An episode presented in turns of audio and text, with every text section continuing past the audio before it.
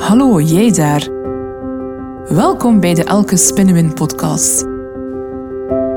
Via deze podcast duik ik in mijn passie voor technologie en coaching.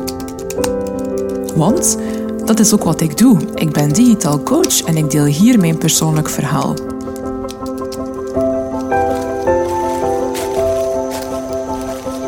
Als vervent wandelaar ben ik altijd op ontdekkingsreis. Ik ben dan ook 100% een creatieve generalist met een breed interesseveld gaande van persoonlijke groei tot technologie en organisatieontwikkeling. Ik ben Elke en ik ben super trots om een vrouw te zijn in de IT. Ik blaas een nieuwe wind en ik heb een unieke menselijke aanpak. Veel luisterplezier! Welkom bij de 14e episode van de Elke Spinnenwind podcast. Afgelopen zomer realiseerde ik me een van mijn allergrootste dromen. Een droom die eigenlijk al meer dan 10 jaar op mijn verlanglijstje stond. Ik wandelde namelijk een pelgrimstocht naar Santiago de Compostela. Ja, je hoort het goed. We hebben eigenlijk de Camino Ingles gewandeld. Dat is een pelgrimstocht van 118 kilometer. Die start in het Spaanse havenstadje Ferrol en die eindigt eh, in Santiago de Compostela. Na die pelgrimstocht kreeg ik eh, heel veel vragen van eh, nieuwsgierige mensen die mij vroegen van hey, hoe is die toch nu verlopen? Zou je mij dat aanraden? En welke inzichten heb je opgedaan door die wandeltocht te doen? Dus ik besloot er om deze podcast over op te nemen. In deze podcast zal ik jullie uh, delen hoe ik tot die pelgrimstocht ben gekomen en zal ik ook jullie inzichten, mijn inzichten delen en ik zal die ook koppelen aan uh, mijn werk als uh, organisatiecoach. Uh, het verhaal van deze pelgrimstocht dat begint eigenlijk al in mijn kindertijd. Als kind was ik een echt buitenkind. Wij woonden ook op het platteland. En ik woonde eigenlijk ja, in, een, in een heel klein dorpje in het West-Vlaamse Heuvelland, waar heel weinig te beleven viel. Het enige wat je er kon doen is wandelen. Dat was wel heel fijn, van bij ons thuis konden wij te voet naar eh, de bossen wandelen, naar de natuur. En dat was dan ook iets wat ik als kind eh, heel veel deed met mijn ouders. En uh, bij gevolg ook als, als tiener was ik een van de, ja, ik denk van de jongste kinderen die zich inschreef in de plaatselijke wandelclub in het dorp. En ik besloot om eigenlijk zo um, ja, deel te nemen aan wandeltochten. Het is zo dat wandelen eigenlijk ja, een, rode draad is door mijn leven. Dat is altijd echt een van mijn grote passies uh, gebleven. Um, als ik uh, wil ontspannen uh, tijdens de werkdag of in het weekend, of um, dan, dan trek ik regelmatig op wandeltocht. Het liefst van al eigenlijk ja, grote, lange wandeltochten in de natuur, want die helpen mij te ontspannen. Een korte wandeltocht is vaak goed om eh, tijdens de werkdag even een kwartiertje of een half uur eh, te ontsnappen en even te ontspannen.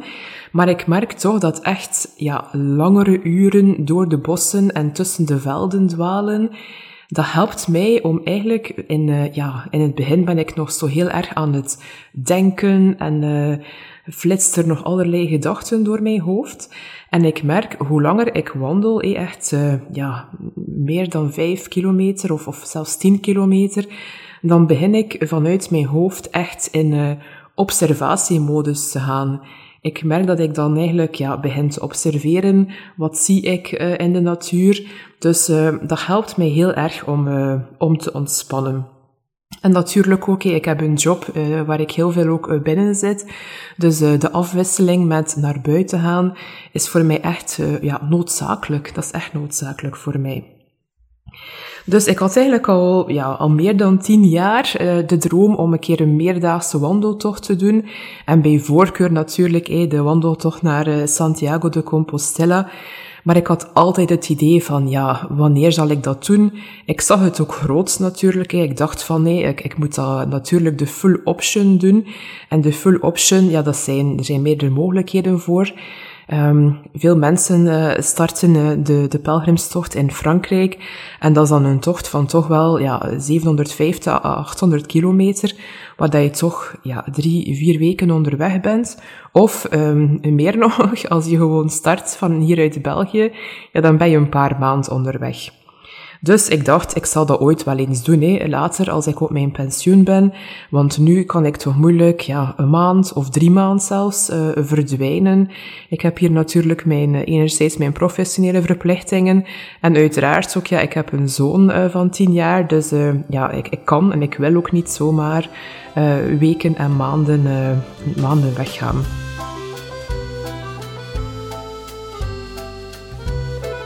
Hoe ga ik dat doen? Dus ik had die droom en die droom uh, sluimerde in mij, die stond op mijn, op mijn bucketlist. En ja, die, die kwam eigenlijk niet in uitvoering. Dat was, zo, ja, dat was een van de dromen uh, die ik op mijn lijstje had. Nu, hoe komt het dan dat ik plots uh, ben beginnen omdenken en plots op het idee ben gekomen om voor een, een, een light versie van de pelgrimstocht te gaan? Um, ja, helaas is het uh, vaak iets, uh, iets minder leuk die we in ons leven meemaken, die ervoor zorgt dat we dan toch bepaalde, bepaalde zaken realiseren die al lang sluimeren. Um, het is zo, dus eigenlijk in maart uh, 2020, eh, dus ook het begin van het COVID-tijdperk, kreeg ik eigenlijk buikpijn. Maar goed, ja, ik dacht van, ja, iedereen kan wel eens buikpijn hebben. En uh, ja, ik dacht, het zal wel overgaan. En ik dacht ook, uh, ja, na enkele weken, toen ik nog steeds buikpijn had, um, ja, ik dacht, er zijn zoveel mensen nu aan het uh, ernstig ziek omwille van COVID. Dus ik ga nu toch niet bij de dokter gaan om, allez, om, om over buikpijn te gaan praten. Het, um, dus ik liet dat maar wat aanslepen. Het was ook niet zo simpel om zomaar uh, bij de dokter te gaan, vond ik op dat moment. En toen werden we ja, ongeveer mei uh, eh, 2020. En ja, ik liep dan al twee maanden met die buikpijn rond. Dus ik dacht, oké, ik ga nu toch even naar de huisarts gaan. En ja, de huisarts luisterde naar mijn verhaal, maar uh, die zag daar nog niks ernstigs in en die zei van oké, uh, het zal wel van de stress zijn met deze periode. Um, dus um, ja, en, en die stuurde mij eigenlijk gewoon terug naar huis. Um, ja, dan waren we juli, uh, dus de zomer uh, van 2020. En wij wilden uh, een weekje op vakantie naar de Ardennen. En ik had nog altijd die buikpijn. En ik begon echt het inzicht te krijgen van Elke, er is hier echt iets mis in uw lichaam. Dus ik begon dat echt te voelen dat er eigenlijk iets helemaal niet juist zat. Dat, ik, uh, dat er iets anders was dan anders en dat er iets niet gezond was. Dus ik voelde dat echt. Ik dacht van, dat is hier echt niet, niet normaal. Dus ik ging terug naar de huisarts en deze keer was ik wat kordater en uh, ja, vroeg ik eigenlijk echt een, een, een grondiger onderzoek. En uh, gaf ik ook aan van, ja, er klopt hier iets niet. En dus ja, zo gezegd, zo gedaan, um, kwam, belandde ik dan uh, in september. Dus ja, eerst een bloedonderzoek waar dat ze al uh, bepaalde ontstekingswaarden die helemaal niet goed waren. Um, dus ik belandde in uh, september in, in het ziekenhuis voor een, een onderzoek. En dus uh, toen ik wakker werd uit de verdoving na dat onderzoek, stond de dokter naast mijn bed en ja, die zei, uh, helaas Elke, ik heb uh, niet zo'n goed nieuws. Je hebt een chronische auto-immuunziekte in uw darmen, dus ik had heel veel ontstekingen in mijn darmen bam. Dus dat was, uh, dat was echt eventjes een, uh, een shock om uh, ja, van kerngezonde jonge vrouw, die ook pas haar onderneming was opgestart, plots in het luikje te zitten met mensen met een chronische ziekte. ik vond dat verschrikkelijk, um, maar ik was vastberaden. Nee, ik dacht van, we gaan dat hier een keer verslaan, we gaan, dat hier, we gaan hier iets aan doen, dat komt wel in orde. Um, ja, het afgelopen jaar, dus we zijn nu uh, september 2021 als ik deze podcast opneem. Dus dat is exact een jaar geleden dat ik deze diagnose kreeg. Um, dus het was eigenlijk, uh, het afgelopen jaar was um, zeker op vlak van dus mijn fysieke gezondheid vaak niet gemakkelijk. Dus mensen die mij kennen, die naar deze podcast luisteren, veel mensen weten dit nog niet van mij, dus misschien gaan er een aantal mensen hun wenkbrauwen fronsen. Um, dus het was vooral uh, met de dokter en uh, eventjes zoeken ook naar de juiste medicatie. In het begin uh, voelde ik mij heel vaak slecht. Um, ja, zelfs zo slecht dat ik op bepaalde dagen opstond en eigenlijk mij helemaal niet in staat voelde om te werken. buikpijn, ja, moe, dus eigenlijk helemaal niet goed. Um, ik ben ook wel dankbaar dat ik ja, zoveel jaar geleden al met persoonlijke ontwikkeling eh, ben gestart. Dus voor mij was dat ook wel helpend hoe ik ook dus met die chronische ziekte omging. Dus voor mij kwam vrij snel ook het inzicht van um, deze ziekte zal zich niet enkel overwinnen met medicatie. Um, ja, de medicatie was, was zeker nodig om die ontstekingen onder controle te krijgen. Maar er gaan nog andere dingen nodig zijn om, om hier iets aan te doen. En die andere dingen waren vooral voor mij om, uh, ja, ik besteedde eerlijk gezegd vroeger toch al wel wat aandacht aan work-life balance en uh, uh, voldoende tijd nemen voor ontspanning, maar het kon natuurlijk nog altijd beter. En um, ja, en zeker uh, hier was voor mij ook het inzicht dat ik nog meer eigenlijk uh, moest luisteren naar mijn lichaam. En dat mijn lichaam echt mijn, mijn graadmeter werd voor ja, wat ik wel of niet kon doen. Want uh, ik merkte heel snel als mijn lichaam aangaf van kijk, vandaag gaat het niet. En ik beslis dan met mijn hoofd om toch door te doen. Ja, dan kwam het eigenlijk helemaal niet goed. Dus uh, ja, ik besloot om sowieso meer ontspanning in te bouwen, uh, om ook meer te wandelen. Ik merkte wel dat bewegen en ontspannen uh, ja, vooral de sleutels waren om mij, om mij toch goed te voelen. Um, dus voilà. Dus ik ging verder met die chronische ziekte. Ik vind het nog altijd een verschrikkelijk woord, maar ja, het is wat het is natuurlijk. En um, ja, tegelijk volgde ik ook vorig jaar een opleiding tot organisatiecoach. En in juni 2020 um, zat ik eigenlijk op een, uh, op een mooie avond buiten een met de collega's uh, van de opleiding organisatiecoach. En er waren twee mededeelnemsters, eh, dankjewel Nora en Inge, die op die avond um, ja, hun, hun verhalen hebben gedeeld. Dus Nora vertelde mij over, zij had al een aantal keer op pelgrimstocht geweest, dus dat inspireerde mij. En Inge had al ja, heel veel gereisd over de hele wereld. Dus ik was zo uh, aan het luisteren naar hun verhalen dat ik dacht, wauw, dit zijn dames eh, binnen mijn leeftijdscategorie en die hebben al die reizen al gedaan.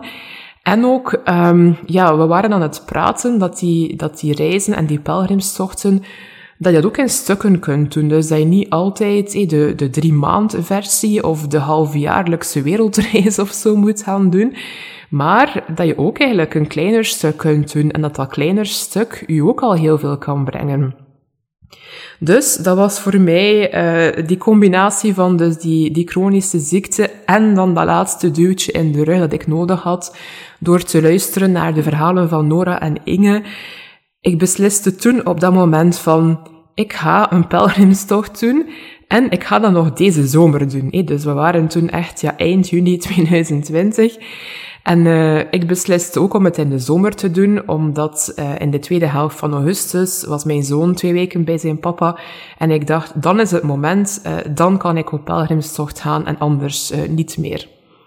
Oké, dus ik dacht, ja, help, ik moet dat hier beginnen organiseren. Hoe ga ik dat doen? Um, ik had daar helemaal nog niet zoveel over gelezen, allee, of toch nog niet in detail van, hey, hoe loopt dat traject dan? Welke trajecten zijn er mogelijk? En ik, ik besloot om wat research op internet te doen. En na eventjes zoeken kwam ik uh, Elvira tegen. Hallo Elvira, van uh, Go Camino. Dat is een, uh, zij heeft haar eigen bedrijf in Gent. En zij organiseert pelgrimsreizen, zowel in groep als individueel. Dus ik besloot haar een uh, e-mail te sturen en ik zei van uh, Elvira, de Camino roept mij. Ik zou graag een Camino-tocht doen in de tweede helft van augustus. Ja, het moet, moet wel haalbaar zijn. Uh, wat kan je mij aanraden?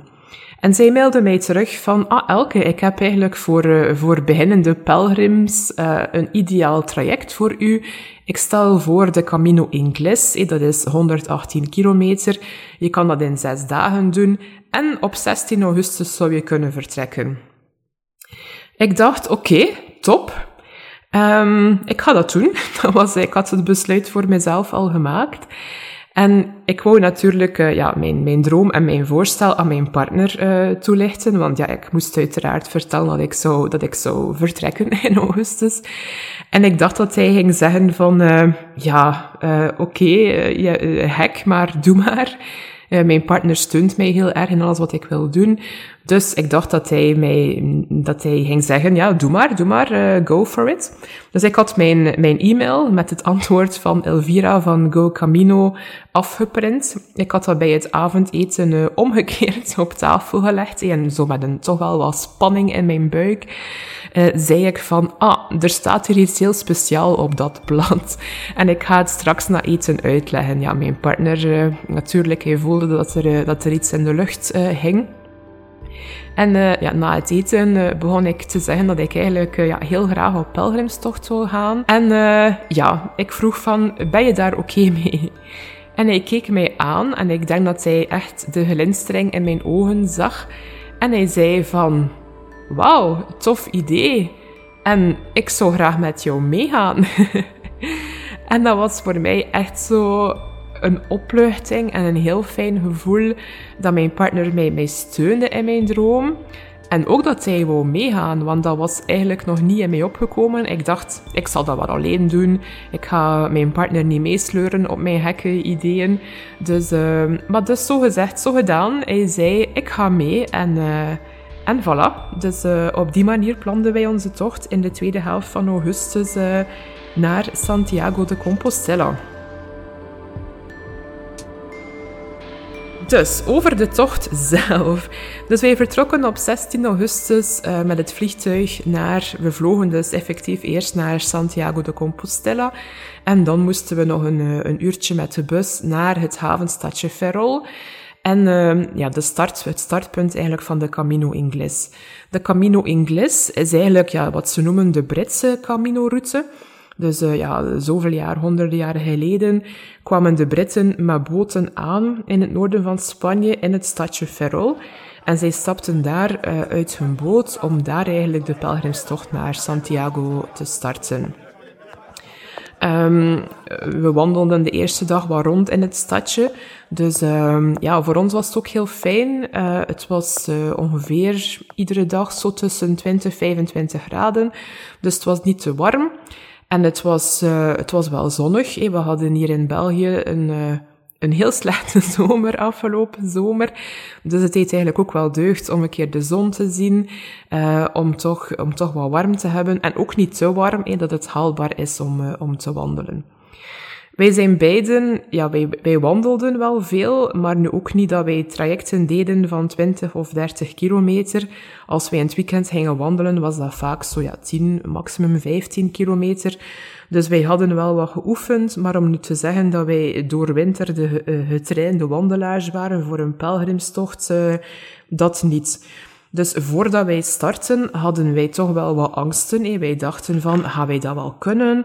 Um, want ja, er waren dagen, de eerste dagen vielen best mee. Daar waren de afstanden per dag ongeveer, het was een keer 15 kilometer en 18 kilometer. Maar er was ook een dag dat het 27 kilometer was. En wij dachten op voorhand, ja, wat is het ergste dat kan gebeuren? Um, het ergste dat kan gebeuren is dat we, ja, dat we niet meer kunnen. dat we op een, na 20 kilometer zeggen, we geven het op. En dan hadden wij afgesproken van, als we niet meer kunnen, dan kunnen we niet meer. Dan gaan we de taxi bellen en met de taxi naar onze slaapplaats gaan. Um, omwille dus van ook de chronische ziekte, de ziekte van Crohn, uh, die ik uh, had en heb, had ik ook wel wat schrik. Ik dacht van, oei, misschien gaan mijn darmen of mijn buik uh, mij parten spelen. Misschien ga ik pijn hebben. Misschien uh, ga ik me ongemakkelijk voelen. Um, misschien, allee, dus ik had ook allerlei angsten daar. Van, wat zal dat geven als ik zoveel wandel? Dus uh, we hadden toch wel ja, een aantal angsten op voorhand voordat we aan onze tocht starten. Dus ja, we besloten om gewoon te starten en uh, te zien uh, hoe het loopt. Hè. Op de tocht zelf um, hebben we eigenlijk vooral Spanjaarden uh, tegengekomen, dus niet zoveel mensen uit het buitenland. Hola, ¿qué tal? Dat is denk ik te maken met het feit dat het ja, nog, toch nog wel covid-periode was en dat nog niet zoveel buitenlanders richting Spanje kwamen om echte pelgrimstocht te doen. Dus qua, qua volk en qua bevolking op de route viel het best wel mee. Dus dat was ook wel fijn. Het was rustig, kalm en uh, dat is net waar wij ook van houden.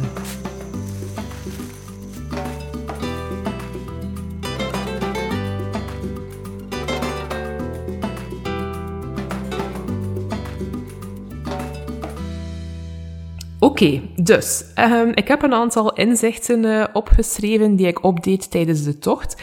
En ik wil die inzichten uh, graag met jullie delen. Een eerste inzicht is van, um, doe de tocht stap voor stap. Dus wij hebben eigenlijk uh, ons doel gezet op, we willen naar Santiago gaan. En, maar je kan natuurlijk niet alles bedenken wat er zal gebeuren op voorhand. En ik wil dat ook eventjes linken aan de, de projecten die we doen in bedrijven. Ook daar um, ja, moet je soms ook een, een eerste stap beginnen zetten. En moet je ook stap voor stap gaan. En kan je niet op voorhand alles bedenken wat dat je eigenlijk um, ja, zal tegenkomen, welke omstandigheden dat er zullen zijn. Dus uh, je hebt wel je doel gezet. Ons doel was, we willen Santiago bereiken. En dan ga je eigenlijk stap voor stap onderweg dat is voor ons, dat was voor ons belangrijk van, we wandelen en we, we, zien wel uh, waar dat we uitkomen en we zien wel wat dat we tegenkomen onderweg. Een tweede inzicht was, respecteer je ritme. En dat was een hele belangrijke voor ons. Als je voelt dat je, dat je moe wordt, um, dan heeft het eigenlijk geen zin om te blijven doorstappen en doorstappen dan is het beter uh, bij de eerste koffiebar, en uh, dat was heel tof, vonden wij, dat je tegenkomt, is dat je, ja, dat je echt even gaat rusten en dat je ook respecteert van, ik, ik ben moe, uh, mijn lichaam kan even niet meer, ik ga mij eventjes zetten en ik ga rust nemen. En dat vind ik ook wel belangrijk in bedrijven, want wat ik daar zie is vaak een heel prestatiegerichte en actiegerichte cultuur we willen een, een bepaald project realiseren of we willen uh, ja, gewoon ook de dagelijkse werking. En alles is altijd maar in de modus aan. Ik noem dat de aanmodus. We staan altijd aan en we presteren altijd. Maar als mens is het eigenlijk heel normaal dat je periodes hebt waarbij dat je, dat je ja, volle actie bent en dat je in volle actiemodus kunt gaan. En andere periodes waar dat je, dat je moe bent en dat je eigenlijk misschien een beetje beter rust. En uh, dat is ook een beetje waar ik voor wil pleiten in organisaties, dat er nu te weinig tijd is om een keer rust te nemen. En met rust nemen bedoel ik niet dat we op ons werk daarom moeten uh, helemaal niks gaan zitten doen. Maar het is wel fijn dat er periodes kunnen zijn van, oké, we gaan hier nu met ons team of, of ikzelf eh, in volle actie vooruit. En dan komt er ook een periode dat er een keer misschien wat minder deadlines zijn en dat ik even meer in een uh, rustiger cadans mijn werk kan afwerken.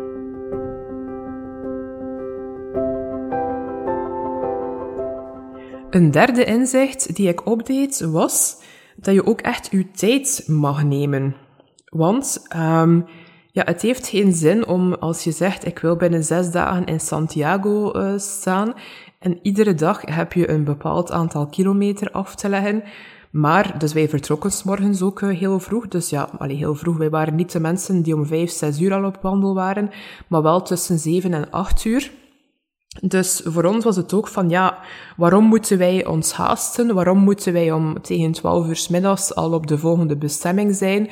Wij hebben eigenlijk de hele dag dat wij tijd kunnen nemen om dat traject af te leggen. Dus waarom moeten wij dat snel doen? Als we er tijd voor nemen, gaan we uiteindelijk ook ons doel bereiken, maar gaan we ook meer op ons eigen tempo wandelen. En uh, met pauzes, een koffie onderweg, um, iets vroeger vertrekken, iets meer pauze nemen uh, en zo verder.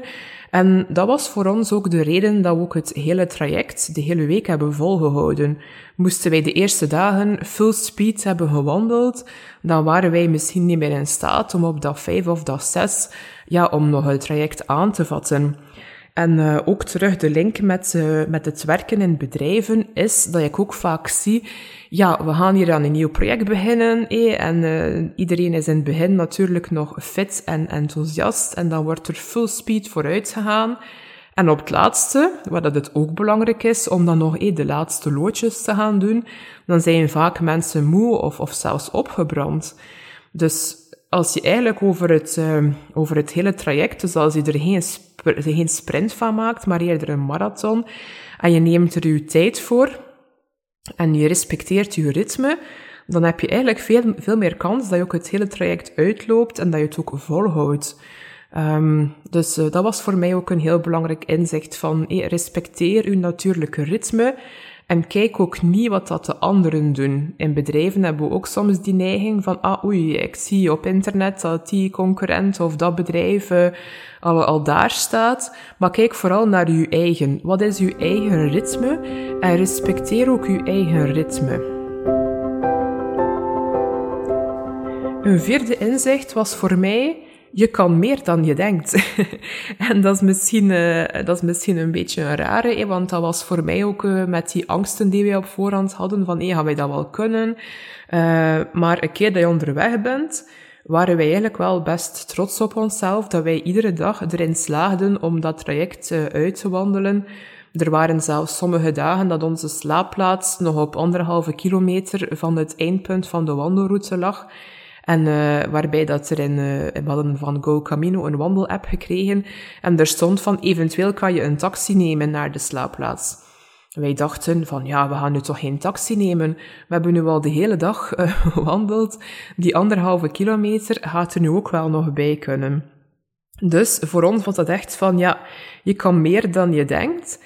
En je ontdekt dat ook maar door uh, het pad te beginnen te bewandelen. Dus het pad ontvouwt zich maar als je begint met het te bewandelen. En dat zie ik ook in, in bedrijven, ook daar. Hey, weten mensen ook soms niet van, gaan wij dat wel aan kunnen, gaan wij dat wel kunnen realiseren, uh, dat project, of, of, of datgene dat we willen doen. Maar door het pad te beginnen te bewandelen, kom je op bepaalde inzichten, uh, zie je de volgende stap en heb je vaak ook meer kracht om door te zetten en kan je vaak veel meer dan dat je denkt. Dus um, dat was iets waar dat wij zelf eigenlijk heel trots op waren. Een vijfde inzicht van eh, um, de ergste scenario's die ik mij op voorhand had bedacht. Uh, zoals, eh, als we niet meer kunnen, dan gaan we wel een taxi nemen. Ja, die waren er uiteraard uh, helemaal niet. En um, eh, van of, of iemand zal misschien ziek worden of, of zich bezeren. Ja, behalve dat we uiteraard wel wat blaren op onze voeten hadden. Dank u, uh, compete plakkers. dus, uh, maar verder dan dat, allee, waren er eigenlijk geen uh, erge dingen die gebeurd zijn.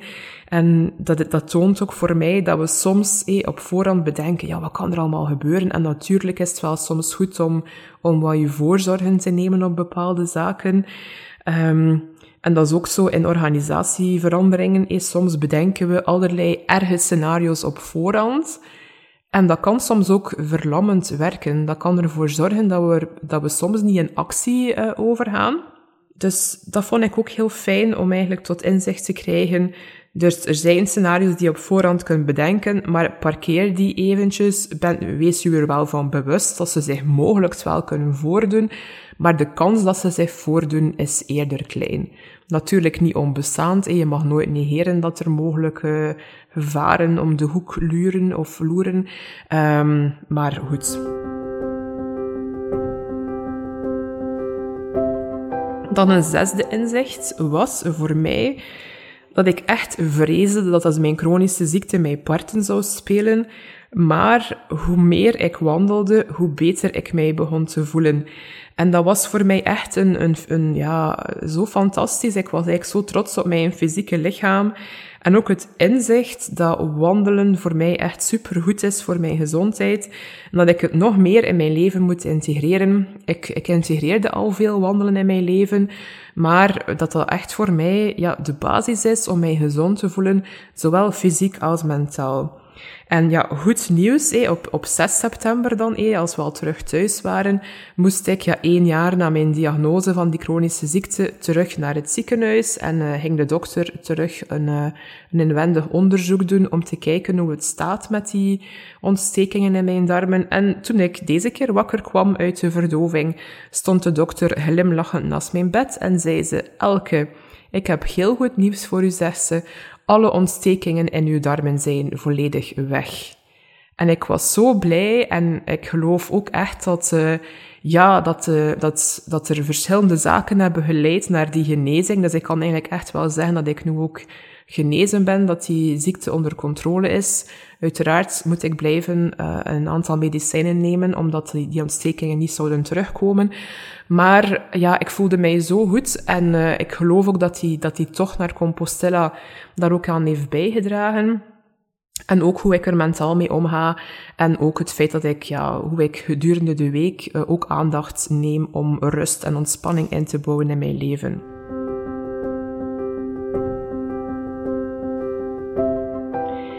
En dan als laatste, als zevende en voor mij eigenlijk toch wel het allerbelangrijkste inzicht uit die pelgrimstocht. Ik was iemand die altijd alles, of die dacht dat ze alles alleen moest doen. ik had voor de tocht naar Compostela totaal niet gedacht dat mijn partner bereid zou zijn om mee te gaan. En ik had dat ook wel soms op, uh, ja, op professioneel vlak ook. Ik ben solo-ondernemer, ik moet dat hier allemaal alleen doen. Um, dus mijn belangrijkste inzicht was eigenlijk wel van, ja, met twee is het eigenlijk ook heel fijn.